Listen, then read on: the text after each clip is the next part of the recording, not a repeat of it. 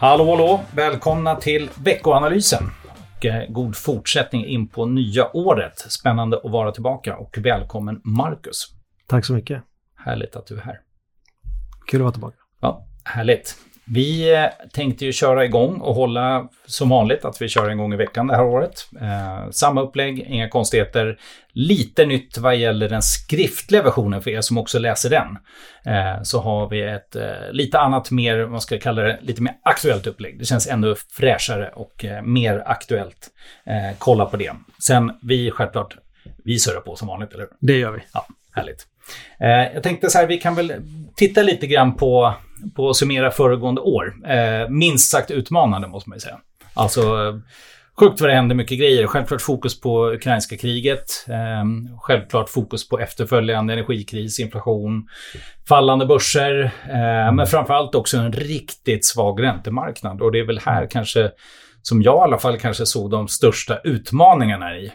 För det historiska är väl så här att blandar du aktier och räntor, eh, oavsett hur du gör, så blir det oftast bra ur ett riskperspektiv. Du kan ha en lite mer aggressiv kombination, 70-30 eller en 30-70. Det är oftast bra att göra det för att de har i alla fall de sista 20-25 åren rört sig åt olika håll. Eh, men den korrelationen har ju verkligen ändra på sig förra året. Eh, utan eh, det, det, vi såg då var ju att vi hade en positiv korrelation mellan dem. Eh, och eh, det har vi inte haft sedan slutet 90-talet, men vi hade det faktiskt en bra period innan dess.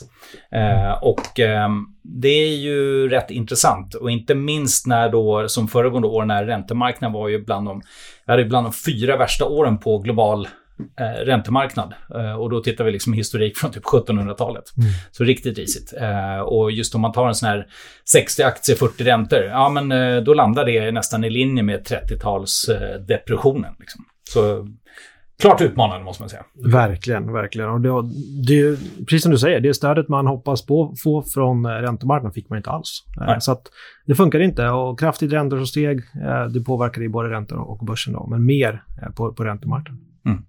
Ja, det är tufft. Mm. och eh, ja, en rad rörelser självklart som eh, överraskade.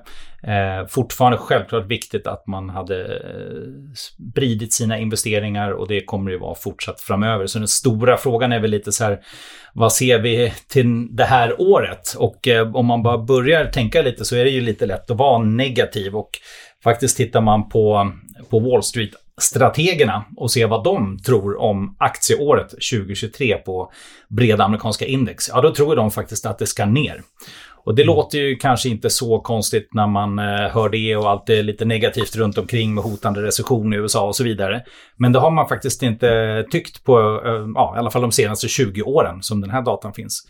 Eh, mm. det som också är väldigt intressant är att varje gång man historiskt, om man har i alla fall tyckt att det, det ska ner under kommande 12 månader, eh, oavsett om det varit mitt under året eller någonting, så eh, har det faktiskt aldrig blivit så att det sen faktiskt går ner på börsen. Nej. Så att, eh, någonting att vara ändå lite positiv över. Ja, verkligen. Eh, och, och jag tycker, blickar vi ut över, över nästa år, eller, eller det här året får man ju säga, nu när vi eh, tittar på 2023, så jag tror ändå att, att mycket av den osäkerheten som vi eh, såg förra året, jag tror att den kommer eh, bestå. Det kommer vara mycket fokus på inflations och, och ränteutvecklingen, men vi har ju en stor skillnad och det är ju att inflationstoppen i USA, den, den har vi ju nått och den är, den är ju förbi. Och mm. Det gör ju att slutet på räntehöjningarna eh, närmar sig. Så att det är klart att det finns jättemycket att vara orolig för. Det, finns, det är jättelätt att måla upp ett väldigt mörkt scenario. Men det är inte alls samma förutsättningar nu som, som det var förra året. Och det tror jag är väldigt viktigt att, att komma ihåg. Ja. Um,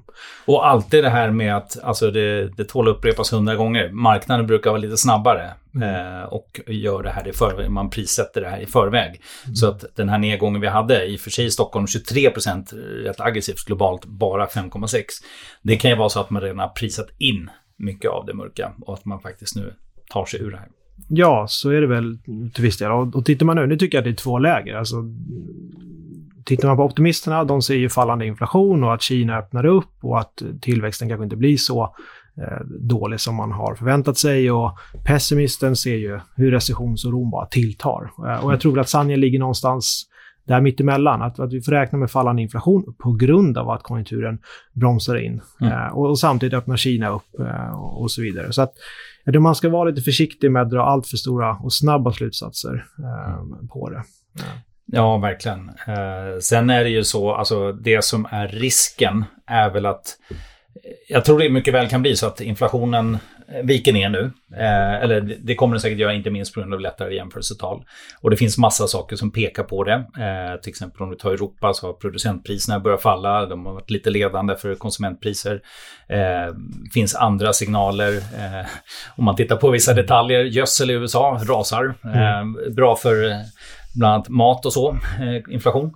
Så att eh, det finns massa signaler på att vi faktiskt toppar, men, eller att vi har toppat, men det som finns en risk för fortsatt är väl det här att vi når ett scenario som vi hade på 70-talet, att det kommer i vågor. Att mm. vi får inflation, faller tillbaka, sen kommer det kanske en topp till, ytterligare en topp till. Eh, och det, det kan man väl inte helt spela bort än.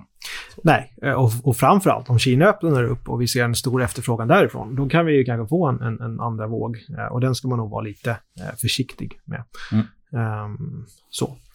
Ja, intressant. Vi hoppas i alla fall att det blir en slags mjuklandning initialt här nu. Det tror jag ändå är viktigt för att börsen inte ska tappa humöret helt. Kommer det in väldigt mycket sämre siffror eh, i form av tillväxt och liknande, då tror jag att det blir, blir klart tuffare. Liksom.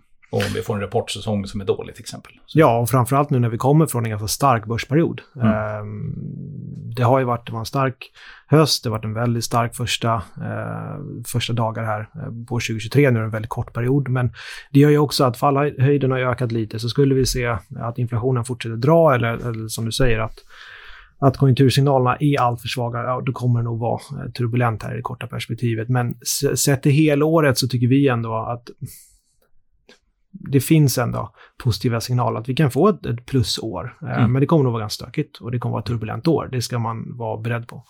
Verkligen. Om vi fokuserar då, vad, vad är viktigast för börsen just nu? Vad kollar vi på den här veckan framför allt också? Du har nämnt inflationen, det måste ju vara en grej. Inflationen är, är det viktiga.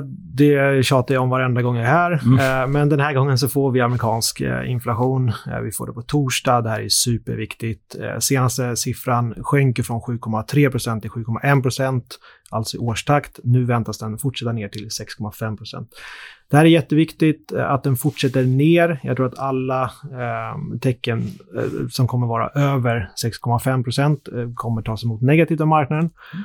Och sen framför allt, eftersom att vi förra veckan fick eh, eh, lite eh, signaler om avtagande lönetillväxt i USA, eh, så, så bör inflationen fortsätta ner. Eh, och just nu så är förväntansbilden, eh, ja, men, den är ganska hög på att, att inflationen ska ner. Det låter rimligt. Och sen mm. så har vi faktiskt mer inflationsfokus under veckan. Det kommer ju bland annat från Kina. Det kommer inte minst i Sverige. På fredag kommer det siffror. Kan man säga någonting om den? Ja, den är ju också eh, viktig och det blir framförallt viktigt för, för svensk eh, aktieränte och valutamarknad. Eh, men det blir ju den sista ledtråden inför Riksbankens räntebesked den 9 februari. Mm. Så att Även här, viktigt att, att eh, vi ser att det inte skenar iväg. Nu steg det ju faktiskt under senaste mätningen om vi tittar på KPIF. Det steg från 9,3 till 9,5. Riksbanken tror jag väntar sig 9,1 här och marknaden högre än så. Eh, men, men, viktigt ändå att, att det kommer ner. Viktigt att vi, vi kan gå vidare eh, framåt. Mm. Spännande. Eh, och som sagt så kommer det lite siffror till. Det är alltid från Finland och Frankrike och Spanien och så vidare. Ja. Eh, så att många KPI-siffror och egentligen inte så jättemycket mer makro som är i fokus. Vi har någon data här nu måndag när vi spelar in industriproduktion i Tyskland, vi har arbetslösheten i EMU, vi har svensk BNP-indikator imorgon tisdag när ni lyssnar och så vidare. Men inte liksom så pass stort. Och kanske är det så att fokus börjar vrida om mot rapportsäsong lite lätt. För att på mm. fredag där smäller det till och kommer en rad stora bankrapporter i USA. Ja, och de är ju oftast, de är alltid först ut. Uh, yes. USA är före Sverige och bankerna är först i USA. Så det är alltid de, de mm. man får först. Det här är Q4-rapporterna.